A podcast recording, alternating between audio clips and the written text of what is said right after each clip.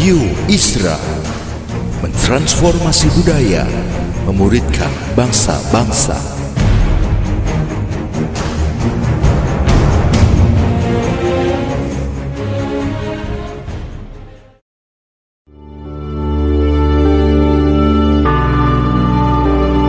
Apostolic Prophetic Messages mengungkapkan pesan dan arahan dari hati Tuhan bagi gerejanya demi menuntaskan mandat kerajaan Allah di Indonesia dan bangsa-bangsa. Selamat mendengarkan.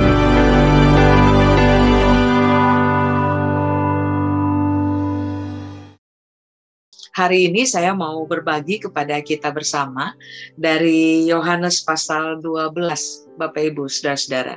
Yohanes pasal 12 saya akan lompat-lompat ayat sedikit karena ada uh, keterkaitan di dalamnya.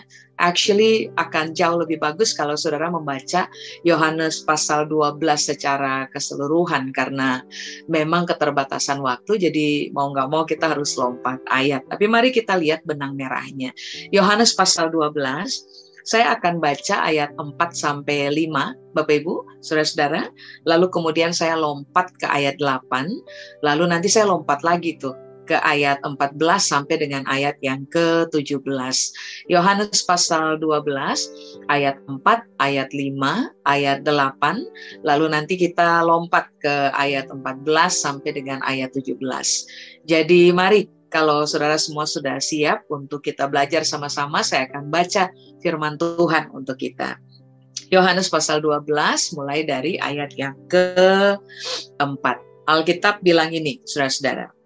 Lalu bangunlah Yesus dan menanggalkan jubahnya. Ia mengambil sehelai kain lenan dan mengikatkannya pada pinggangnya Kemudian ia menuangkan air ke dalam sebuah basi dan mulai membasuh kaki murid-muridnya, lalu menyekanya dengan kain yang terikat pada pinggangnya. Nah, sampai di situ dulu. Begini, Bapak Saudara dan Lenan, lalu mengikatkannya pada pinggangnya. Nah, di zaman Yesus hidup, saudara-saudara, Bapak Ibu semua, di zaman Yesus hidup, kain lenan atau kain apa aja yang diikatkan di pinggang itu adalah uh, baju yang biasa digunakan atau cara berpakaian dari seorang budak atau cara berpakaian dari seorang hamba. Jadi pada waktu Yesus mengambil kain lenan lalu kemudian ikat di pinggang semua orang hari itu tahu betul bahwa dia sedang memposisikan dirinya sebagai seorang budak atau sebagai seorang hamba. Perlambangannya sederhana. Yesus sedang memposisikan diri lebih rendah. Atau kalimat yang lebih kita bisa pahami adalah Yesus sedang memutuskan untuk merendahkan dirinya. Gitu karena statement di ayat 4 adalah dia memilih cara berpakaian yang dipakai oleh orang-orang yang posisinya lebih rendah. Jadi dia sedang merendahkan dirinya. Lalu di ayat yang kelima Alkitab bilang dia memutuskan untuk membasuh kaki murid-muridnya nah membasuh itu berkaitan dengan satu pemahaman saja bersih atau tahir semua kita paham pada zaman Yesus hidup semua orang yang berjalan, entah mereka menggunakan sendal atau mereka menggunakan sepatu yang berbentuk seperti kasut, itu disebut dengan istilah kasut. Itu biasanya kan uh, dalam proses mereka berjalan, debu tuh nempel, uh, saudara-saudara, di kaki mereka.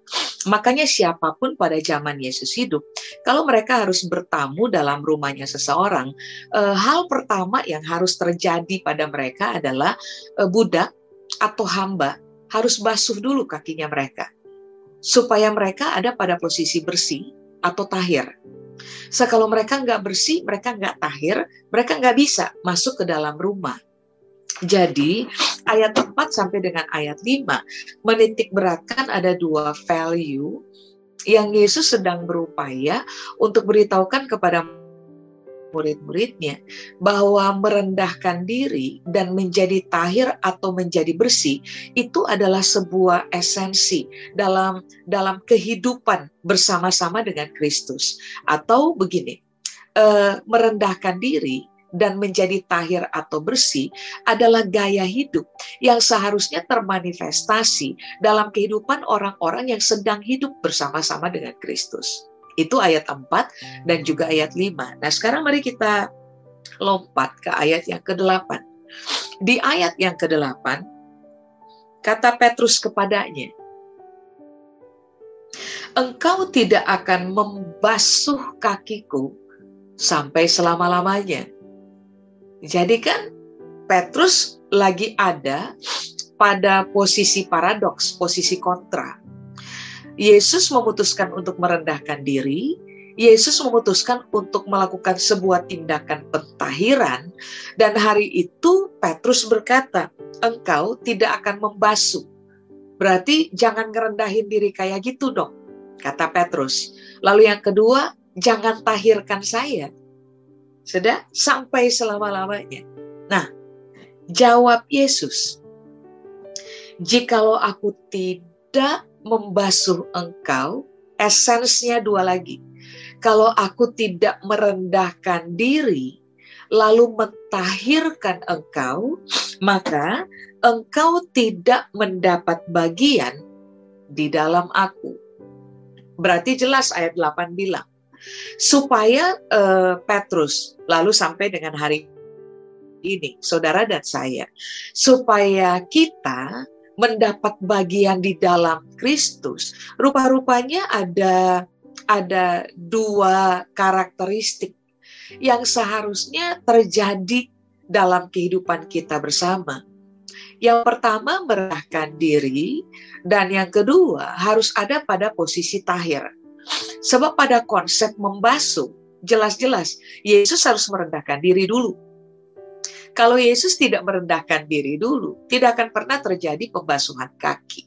Tidak akan pernah terjadi karya pentahiran. Jadi Yesus bilang, ulang, supaya kamu dapat bagian di dalam aku, harus ada dua sisi itu tuh, yang bermain dan gak boleh terpisah. Merendahkan diri dan menjadi tahir atau bersih supaya kita bilang kamu mendapat bagian. Nah, sekarang begini, saudara-saudara, kata bagian di ayat yang ke-8. Kalau dalam bahasa Yunani itu menggunakan kata meros, bagian atau meros. Meros sendiri berasal dari kata meiromai, bahasa Yunani juga. Yesus bilang, dua sisi ini harus bermain kalau enggak, kamu enggak dapat bagian di dalam saya. Nah sekarang pertanyaannya adalah, apakah bagian? Kata bagian yang ada di situ, pengertian yang pertama adalah gini, kamu enggak bakal dapat jatah untuk hidup dalam kerajaan Allah. Coba saudara pertimbangkan, ini kalimat berat. Berarti Alkitab lagi bilang sama kita kan, bahwa kalau saudara dan saya nggak memainkan dua permainan ini. Maksudnya uh, hidup dalam kerendahan hati, hidup dalam kondisi tahir atau bersih, maka ini yang Yesus bilang, kamu nggak akan mendapat jatah dalam kerajaan Allah. Kamu nggak akan mendapat bagian. Nah ini menarik. Berarti nggak nggak ada pilihan yang lain. Selain dan saya harus berani mengkoreksi diri, lalu kemudian mengambil keputusan bahwa dua bagian ini, dua karakteristik ini nggak boleh misah dari kita. Supaya pada akhirnya kita dapat tetap hidup, bergerak, bernapas, bermain dalam kerajaan Allah. Nah bagian pengertian yang kedua adalah begini, ini menarik.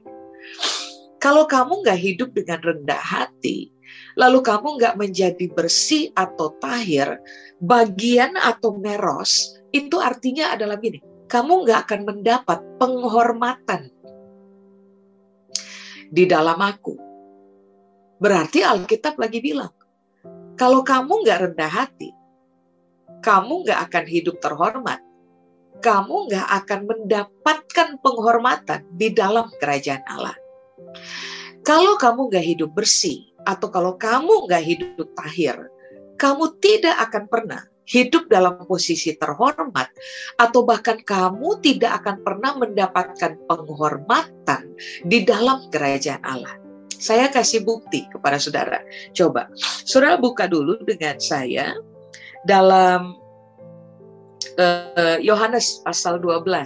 Kita lagi belajar Yohanes 13, tapi kita mundur sedikit. Yohanes pasal 12 ayat 26. Rupa-rupanya kerendahan hati dan memutuskan untuk akhir hidup, bersih dalam hidup, akan menolong saudara dan saya, menggiring saudara dan saya kepada posisi terhormat, lalu mendapatkan penghormatan. Mari lihat, Yohanes pasal 12 ayat 26. Sudah? Oke, Alkitab bilang ini, saudara-saudara. Barang siapa, garis bawahi, melayani aku, sudah, ia harus mengikut aku. Dan di mana aku berada, di situ pun pelayanku akan berada. Kalimat berikutnya, barang siapa melayani aku. Kalimat berikutnya bilang apa? Ia akan dihormati oleh Bapa. Konsepnya jelas. Siapa yang menghamba, siapa yang melayani, siapa yang merendahkan diri, siapa yang memutuskan untuk bersih, tahir dalam kehidupan Jelas-jelas Alkitab bilang dari sejak awal, entah Yohanes menulisnya atau bahkan Yesus mengucapkannya bahwa untuk mendapatkan penghormatan dari Bapa, kamu perlu hidup dalam kerendahan hati. Menjadi orang yang melayani, menjadi orang yang dalam proses melayani. Kita ada pada pentahiran, kita bersih. Kalau saudara baca Yohanes pasal 15, saudara dan saya akan mendapati bahwa kapan kita menjadi bersih. Kita menjadi bersih karena firman yang membersihkan kita. Makanya Yesus bilang, kamu sudah bersih oleh firman. Makanya untuk hidup tiap-tiap hari dan konsisten dalam posisi tahir atau bersih, saudara dan saya harus berani memutuskan untuk berinteraksi dengan firman Allah. Merenungkan firman Tuhan sampai kita paham, lalu kita setuju, lalu kita memutuskan untuk hidup di dalam kebenaran firman Tuhan. Posisi menghidupi firman Tuhan akan membuat saudara dan saya ada pada realita rendah hati, menghamba, melayani, bersih, tahir, sehingga pada akhirnya Alkitab tadi bilang, kamu akan mendapat bagian di dalam aku ulang. Kamu akan mendapatkan penghormatan di dalam aku. Yohanes 12 bilang, kalau kamu melayani Tuhan atau memposisikan diri sebagai hamba, memposisikan diri sebagai orang yang ada pada realita merendahkan diri, maka Bapak sendiri akan menghormati kamu. Saudara-saudara, harus kita akui bahwa ini adalah privilege dari Tuhan bagi kita. Sebab begini, selama kita hidup, sampai dengan hari ini. Bukankah kita memberikan kepada Tuhan pujian? Bukankah kita memberikan kepada Tuhan kemuliaan? Lalu kita juga memberikan kepada Tuhan kehormatan. Betul? Kita menghormati Tuhan. Tapi begini Alkitab bilang, siapa apa pun yang memutuskan untuk melayani atau merendahkan diri, lalu kemudian hidup dalam keadaan bersih dan tahir, Alkitab bilang, kamu yang akan dihormati oleh Bapa. Amin. Makanya tindakan Yesus itu tindakan penting.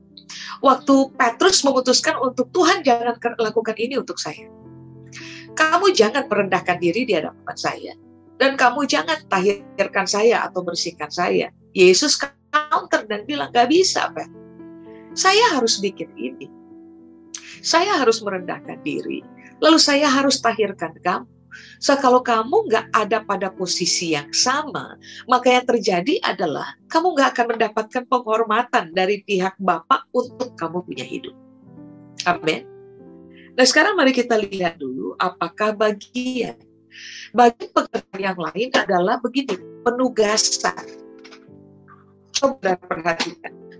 Rupa-rupanya dalam ses mengutus orang, Yesus harus memasukkan value ini supaya orang-orang yang nantinya diutus paham bahwa kalau kamu tidak terbiasa merendahkan diri, kamu akan gagal sebagai seorang utusan. Sisi bersih atau tahir which is kita tahu yang mentahirkan kita tentu saja darah Kristus. Tentu saja kematian dan kebangkitan Kristus. Tapi Yohanes pasal 15 juga menegaskan kepada kita tadi kita sudah belajar bahwa yang mentahirkan kita adalah firman Allah. Saudara dan saya tidak tahir juga oleh firman Allah, maka ini yang Alkitab bilang, saudara dan saya akan gagal sebagai utusan. Supaya berhasil menjadi seorang utusan, orang harus bermain pada dua sisi penting ini, merendahkan diri, lalu kemudian menjadi tahir. Sedang itu saja tidak mendapat bagian atau bahasa Yunani bilang meros, itu arti yang berikutnya adalah begini. Destiny. Dengan kata lain, Alkitab bilang, siapa pun yang merendahkan diri dan siapa pun yang memutuskan untuk jaga diri mereka begitu rupa sesuai dengan firman Allah supaya mereka selalu ada pada posisi bersih. Mereka akan menjadi orang-orang yang memiliki destiny, Pak Ibu, Saudara-saudara. Jadi percayalah, orang-orang rendah hati dan orang-orang yang bersih dalam kehidupan, bukan orang-orang yang akan kehilangan arah. Bukan orang-orang yang bergerak, bekerja tanpa sebuah tujuan. Serupa-rupanya kepada orang-orang yang hidup dalam kerendahan hati dan bersih oleh karena firman Allah dalam kehidupan mereka. For sure Bapak Ibu, mereka akan menjadi orang-orang yang uh, saya menyebutnya dengan istilah people atau a person of uh, of destiny. Orang-orang yang memiliki destiny dalam kehidupan mereka. Sebab begini, dari mana kita tahu bahwa kita adalah bagian di dalam kerajaan Allah atau bagian di dalam Kristus? Alkitab menegaskan, you will have your own destiny in life. Saudara, saya akan memiliki destiny-nya kita. Kita akan memiliki sebuah tujuan, sebuah hal untuk dicapai dan itu clearly Tuhan kasih buat kita. Tapi ini yang Yesus bilang, kamu harus bermain dulu tuh, Pat, dalam dua area ini. Merendahkan diri dan dibersihkan oleh firman Allah. Kalau dibersihkan oleh darah Kristus, somehow kita semua telah mengalaminya. Tapi waktu kita masuk dalam kerajaan Allah, ada begini, ada sampah-sampah dalam cara kita berpikir yang harus dibersihkan oleh perenungan akan kebenaran firman Allah. Supaya pada akhirnya waktu cara berpikir saudara dan saya, isi berpikir saudara dan saya bersih, maka yang akan terjadi adalah kelakuan kita bersih, tindakan kita bersih, uh, respon kita bersih, cara kita uh, mengerjakan apa saja termasuk cara kita melayani itu pun bersih juga. Makanya kenapa Yesus bilang ini matter banget untuk dikerjakan. So, kalau ini dikerjakan, kamu akan memperoleh your own destiny. In me, Yesus bilang. Sudah? Apakah bagian? Ternyata begini, ini menarik. Bagian di dalam aku, itu artinya adalah begini, kapasitas orang-orang yang merendahkan diri mereka dan terfokus kepada gaya hidup bersih, permainan bersih, cara berpikir bersih, ternyata mereka akan mendapatkan uh, kapasitas di dalam Kristus tentu saja semakin saudara dan saya rendah hati, semakin saudara dan saya bermain dan hidup dengan cara yang bersih according to the words of God, maka kapasitas yang Tuhan berikan kepada kita bukan kapasitas yang kecil, saudara-saudara. Kapasitas kita akan mengalami enlargement. Kita akan mengalami perentangan kapasitas sejalan dengan uh, permainan dua hal itu aja uh, karena kita sedang belajar pasal ini, Yohanes pasal 13 ayat 4, 5 dan ayat 8 yang menegaskan kepada saudara dan saya bahwa ternyata waktu kita memutuskan untuk hidup rendah hati dan bermain bersih dalam kehidupan, entah bersih di hadapan Tuhan dan bersih di hadapan orang lain, maka saudara dan saya akan menerima pemberian kapasitas yang datang dari Tuhan. Bayangkan, ternyata ini adalah hal esensi yang Tuhan mau untuk kita hidup di dalamnya. Supaya coba saya ulang ya saudara-saudara. Supaya Alkitab bilang kita dapat jatah dalam kerajaan Allah. Kita dapat penghormatan dari kerajaan Allah. Alkitab bilang kita dihormati oleh bapaknya kita. Lalu, saudara dan saya akan mendapatkan penugasan atau kita akan semakin uh, efektif sebagai utusan dalam kerajaan Allah, saudara dan saya akan menjadi orang-orang yang disebut dengan istilah uh, people of destiny, lalu kemudian atau a person of destiny, atau uh, lalu kemudian ini yang Alkitab bilang kamu akan mendapatkan kapasitas dalam kerajaan. Amin. Nah ini harusnya menjadi bahan pertimbangan kita bersama. Sejauh apa kita hidup rendah hati? Sejauh apa kita hidup bersih? Entah itu di hadapan Tuhan maupun juga bersih di hadapan sesama manusia. Ini harus menjadi bahan pertimbangan kita. Amin. Oke, sekarang mari kita lompat ke ayat 14. Di ayat 14, ini yang Alkitab bilang, jadi, jadi, jikalau aku membasuh kakimu, dua hal tuh, aku merendahkan diri dan mentahirkan kamu. Jikalau aku membasuh kakimu, aku yang adalah Tuhan dan gurumu. Maka kamu pun garis bawahi kata penting wajib. Kamu pun wajib saling. Kata penting dalam komunitas saling. Kamu pun wajib saling membasuh kakimu. Berarti ayat 14 bilang, Yesus aja yang adalah guru dan Tuhan yang posisinya jelas jauh di atas kita. Berani memutuskan untuk merendahkan diri, basuh kaki murid-muridnya, supaya tindakan pentahiran itu terjadi. Nah ini yang Yesus bilang, kamu, saudara dan saya, wajib saling melakukan hal yang sama Sebentar.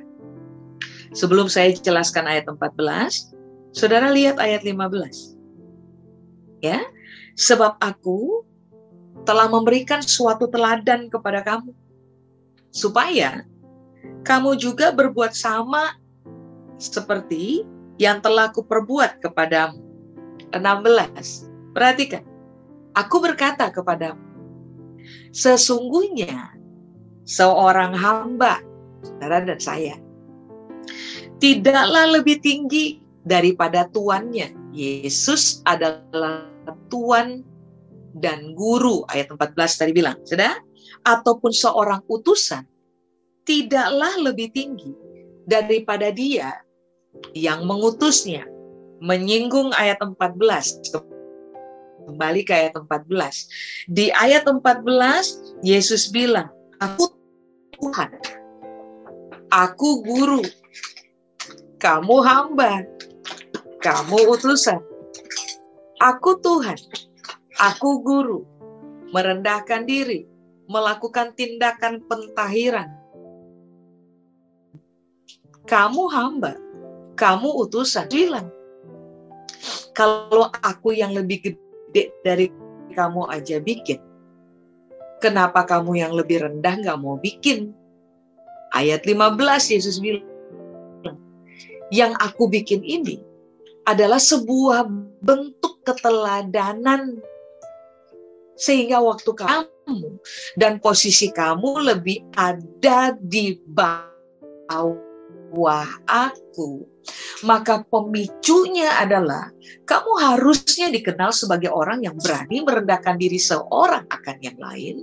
Kamu harusnya dikenal sebagai orang yang berani hidup dalam pentahiran, menjadi bersih seorang akan yang lain. Karena ada satu hal saja, faktor keteladanan.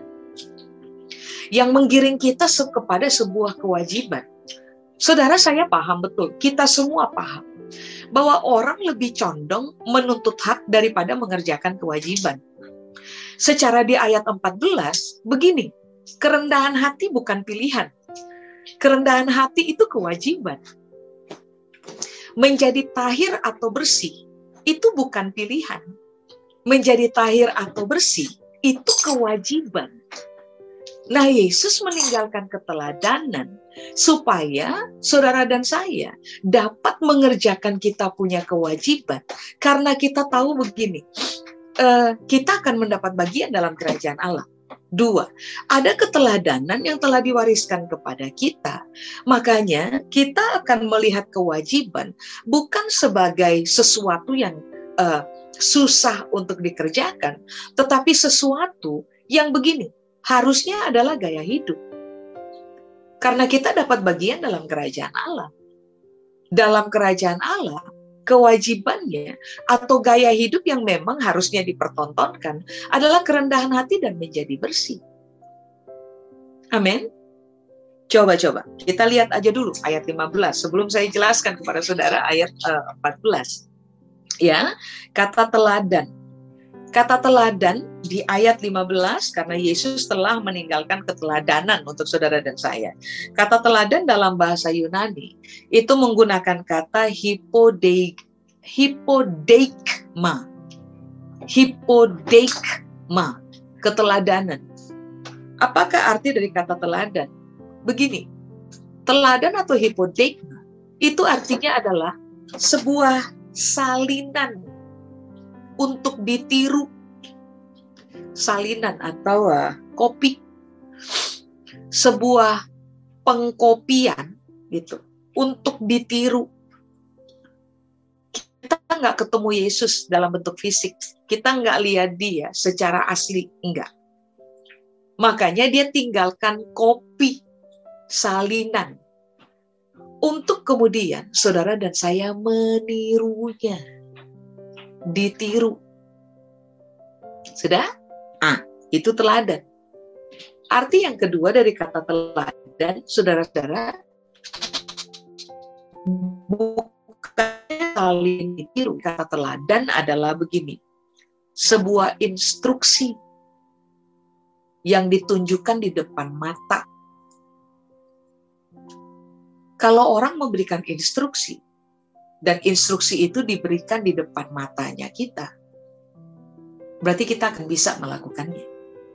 Contoh, instruktur senam. Dia nggak pernah, instruktur senam nggak ada yang cuman berteriak aja. Iya, pada hitungan ketiga kita mulai. Satu, dua, tiga. Kiri, kiri atau kanan, kanan. Angkat, turunkan. Nggak ada yang namanya instruktur senam, cuman keluarkan suara. Instruktur senam selalu bersuara sambil bergerak mempertontonkan tindakan. Sehingga orang-orang yang menerima instruksi dari dia akan gampang copy paste. Mengapa? Ada yang dilihat di depan mata. Makanya waktu Yesus bilang, aku memberikan teladan kepada kamu. Yesus lagi bilang, kopiannya aku kasih ke kamu. Tinggal kamu tiru aja. Aku kasih instruksi pas di depan kamu punya mata. Sehingga pada akhirnya kamu tinggal lihat lalu ikuti aja. Tiru aja. Sudah? Oke. Sekarang kembali ke ayat 14. Kata wajib. Teladannya udah ada. Contoh udah ada, nyata-nyata tuan dan guru posisi lebih tinggi dari kita. Dia main di dua area. Teladan udah ada. Keteladanan ini harusnya menggiring kita kepada keberanian untuk saling ulang saling merendahkan diri seorang akan yang lain, dan saling bersih, menjadi bersih seorang akan yang lain. Ah, kata wajib ini menarik. Kan wajib saling. Kata wajib, Yunani bilang ophelo. Ophelo atau wajib.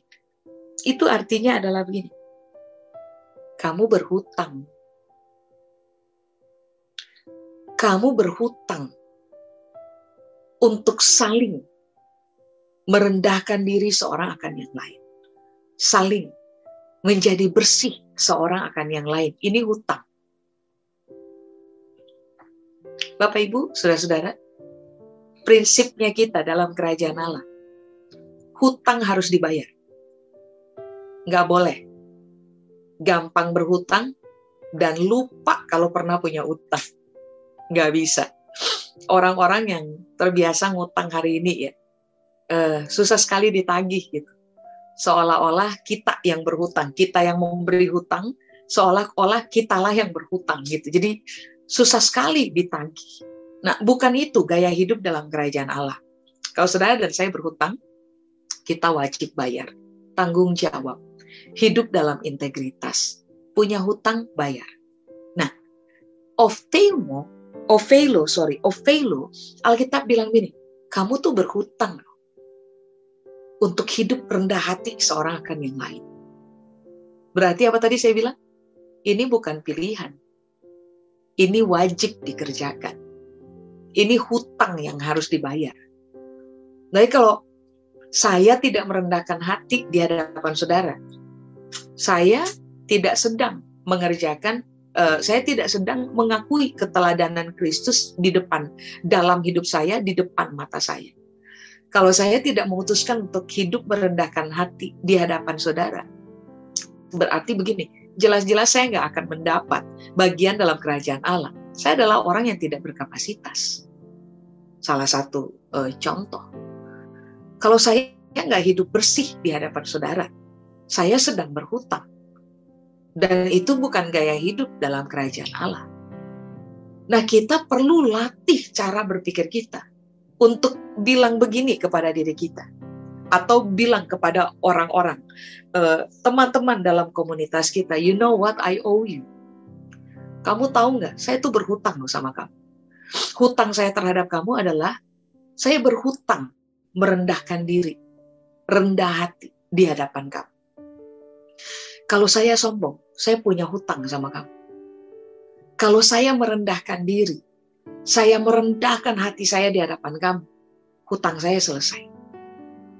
Nah, ini kan harus menjadi sebuah cara berpikir yang disepakati bersama di dalam komunitas sehingga pada komunitas yang kita ada di dalamnya, masing-masing orang berkeyakinan begini, hutang harus dibayar. Saya nggak boleh ngutang sama dia. Caranya, saya harus hidup rendah hati di hadapan dia, sendiri di hadapan dia, menjadi bersih di hadapan dia. Tangan saya nggak kotor. Nah itu, itu Alkitab bilang, kamu wajib. Kamu berhutang, ya saudara. Kamu hutang posisi bersih kamu. Apakah kata wajib? Ovelo. Kata begini. Secara moral terikat. Secara moral terikat. Berarti Yesus bilang, selama kamu hidup dalam komunitas dan menghargai kata saling, secara moral kamu tuh keikat loh, seorang akan yang lain. Bahwa kamu nggak punya pilihan selain memutuskan untuk hidup rendah hati dan bersih seorang akan yang lain. Itu ikatan yang terbentuk di dalam moralnya kita. Nggak ada perjanjian hitam di atas putih. Somehow nggak perlulah kita bikin perjanjian hitam di atas putih di dalam komunitas bahwa ingat loh ya, seorang akan yang lain harus saling merendahkan diri. Enggak. Waktu saudara dan saya pegang betul ayat 14, bahwa merendahkan diri dan menjadi bersih seorang akan yang lain adalah sebuah kewajiban. Berarti kita harus mengingatkan diri sendiri, statement begini. Mengingatkan kepada diri sendiri statement ini. Saya terikat secara moral untuk merendahkan hati kepada teman saya, saudara saya dalam sebuah community. Saya terikat secara moral untuk menjadi bersih di hadapan saudara saya in the community. Nah, ini kan harus kita bangun. Sudah? Ah, kata wajib atau ovelo dalam bahasa Yunani terakhir adalah bini. Sudah seharusnya. Makanya saya bilang, ini bukan pilihan. Ini kewajiban. Ini bukan pilihan. Ini sebuah kewajaran dalam kerajaan Allah. Udah seharusnya kamu saling merendahkan hati seorang akan yang lain. Oh, itu udah seharusnya. It's really not a big deal gitu. Itu ini bukan sesuatu yang dibesar-besarkan. Karena ini adalah sudah seharusnya kamu kerjakan. Justru waktu kamu nggak mengerjakannya, ah, ada yang salah sama kamu. Berarti kamu tidak hidup normal, kamu tidak sedang hidup seharusnya, gitu kira-kira Alkitab bilang. Ulang, merendahkan diri dan menjadi bersih di hadapan seorang akan yang lain, ulang, ulang, bukan pilihan, itu kewajiban. Apa tadi? Ini hutang yang harus dibayar. Ini adalah sebuah bentuk keterikatan moral kita. Karena kita hidup in the community. Tapi yang ketiga, ini sebuah keharusan. Ini sesuatu yang wajar untuk dikerjakan. Kalau kita hidup dalam komunitas dan kita tidak teruji dalam kerendahan hati, ah, komunitas ini berarti komunitas yang sedang hidup tidak wajar. Kalau kita ngaku kita hidup dalam komunitas dan kita tidak memilih untuk hidup bersih seorang akan yang lain, berarti kita sedang hidup dalam sebuah kehidupan yang kewajaran dalam kerajaan Allah, seorang akan yang lain saling merendahkan diri, saling merendahkan hati kewajaran dalam kerajaan Allah adalah seorang akan yang lain hidup bersih, tangan kita bersih. Kita nggak pahit sama orang, kita nggak dendam sama orang, kita nggak nyimpan kemarahan dan dendam sama orang udah tujuh turunan terakhir atau tujuh tahun terakhir kita simpan dendamnya kita sama orang, enggak, kita bersih. Dan itu kewajaran hidup dalam kerajaan Allah. Amin. Oke. Okay.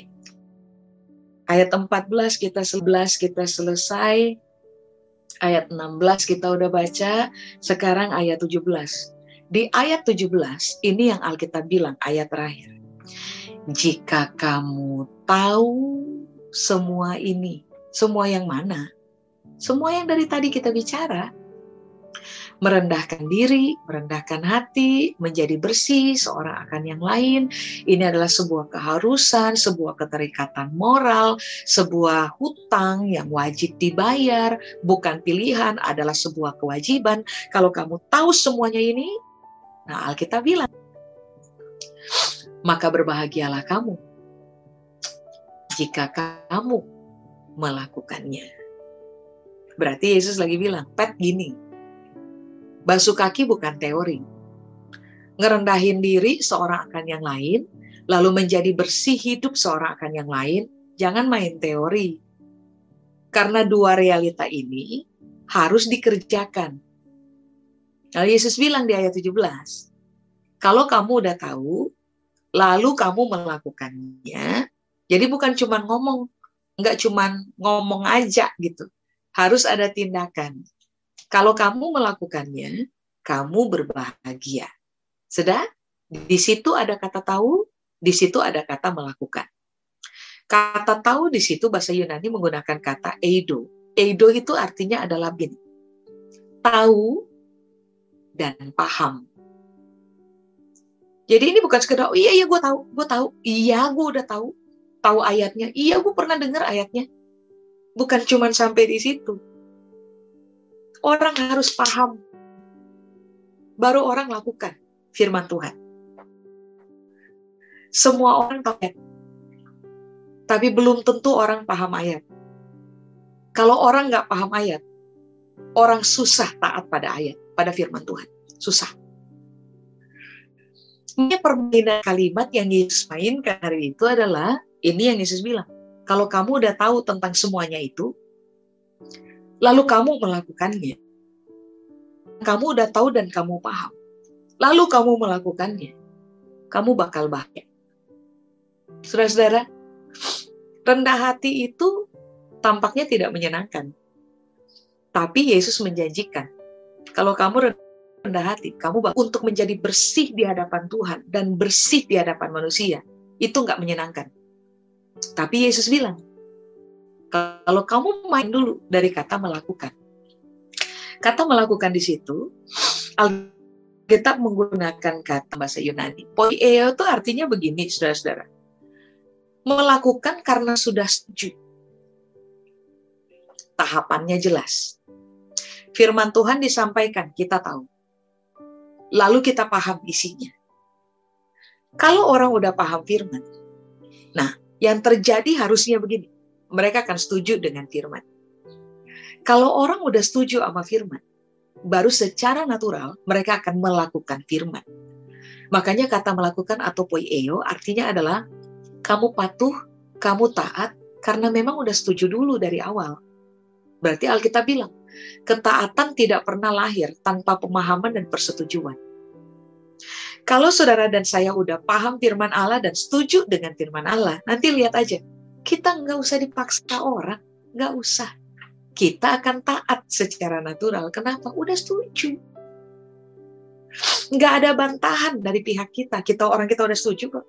Ya udah kalau lu setuju, istilahnya kalau surah dan saya setuju, kita setuju, maka kita akan kerjakan aja. Amin. Ulang, ketaatan selalu lahir karena saudara dan saya paham firman, bukan sekedar tahu. Lalu saudara dan saya setuju firman, melakukan. Nah, kata melakukan, poieo, yang menarik adalah begini. Latihan menjalankan. Puji Tuhan, Tuhan sadar bahwa kita bukan robot yang sekali dipencet tombol langsung taat secara total. Puji Tuhan, Tuhan sadar tentang realita itu. Dia sadar kita manusia, kaya dengan keterbatasan. Itu latihan untuk menjadi ahli. Lihat tahapannya. Tahu, paham, setuju, latihan. Siapa pun yang terbiasa latihan pasti jadi ahli untuk apa pun yang mereka berlatih di situ. Pengertian yang terakhir dari kata poieo adalah begini, saudara-saudara. Poieo adalah sebuah keadaan di mana saudara dan saya ditemukan memutuskan untuk begini, mengerjakan sebuah perintah sampai berhasil mencapai tujuan. Jadi ini yang Tuhan bilang. Kamu dengar firman, Gak boleh sekedar tahu. Kamu harus paham. Supaya kamu setuju. Kalau kamu setuju, kamu akan fokus latihan mengerjakan firman.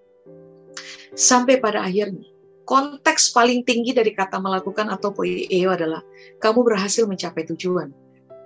Tujuannya apa? Ketaatan. Hebat ya. Tuhan itu kasih buat kita kewajiban tapi dia paham keterbatasan kita. Jadi dia kasih stages, tahapan-tahapan untuk dikerjakan. Firman disampaikan, tahu firman, paham firman, setujui firman, latihan kerjakan firman, sampai kita berhasil mencapai tujuan dari firman taat. Nah, Alkitab bilang, kerendahan hati dan gaya hidup bersih yang kita sekarang udah paham itu kewajiban yang harus kita kerjakan dalam kerajaan Allah. Waktu saudara dan saya melakukannya, Alkitab bilang kata terakhir, kamu akan berbahagia. Ulang ayat 17. Apa tadi? Maka berbahagialah kamu. Jadi kita udah tahu, kalau saya rendah hati, saya bakal bahagia. Saya menikmati kebahagiaan. Kalau saya hidup bersih di hadapan orang lain, saya berbahagia. Nah, kata berbahagia di situ, bahasa Yunani menggunakan kata makarios. Apakah makarios? Ini menarik. Berbahagia, makarios itu artinya berbahagia dan diberkati dalam kurun waktu yang sangat panjang. Kita nggak bahagia cuma sehari, kita nggak diberkati cuma sehari. Kita yang tahu firman, paham firman, setuju firman, latihan kerjakan firman, sampai berhasil taat pada firman. Which is merendahkan diri dan hidup bersih seorang akan yang lain. Alkitab bilang, kebahagiaan kamu dan kondisi kamu diberkati, itu akan berlangsung dalam kurun waktu yang sangat panjang. Makarios kalau dikaitkan dengan kata waktu, itu tidak bisa terpisah dari kata kekekalan. Berarti kalau Makarios menitik beratkan bahwa kamu akan bahagia dan diberkati dalam kurun waktu yang sangat panjang, sangat panjangnya kurun waktunya itu dikaitkan sampai kepada kekekalan. Ngeri kan? Oke, berbahagia atau Makarios. Arti yang berikutnya adalah ini, saudara-saudara. Beruntung. Kenapa sampai Alkitab bilang, kalau kamu melakukannya, kamu beruntung. Jelas-jelas kita tahu. bahwa siapa pun yang mengerjakan keteladanan yang Yesus wariskan kepada mereka, mereka kan mendapat bagian dalam kerajaan Allah. Itu keberuntungannya kita. Mereka kan mendapatkan penghormatan langsung dari Bapa. Nah, itu keberuntungannya kita. Saudara dan saya akan menjadi seorang utusan dari kerajaan Allah yang hebat, dari seorang penguasa alam semesta. Itu keberuntungannya kita. Karena nggak banyak orang dipilih, nggak banyak orang dipanggil, sudah, saudara dan saya akan menjadi orang-orang yang disebut dengan istilah a person of destiny atau people of destiny. Punya destiny dalam hidup. Lalu, saudara dan saya akan memiliki kapasitas pemberian kerajaan kepada kita. Makanya kenapa Alkitab bilang, oh, kamu beruntung. Waktu kamu memutuskan untuk melakukan seperti yang Alkitab ajar. Itu saja enggak. Makarios bukan sekedar berbahagia, diberkati dalam kurun waktu panjang sampai kepada kekekalan.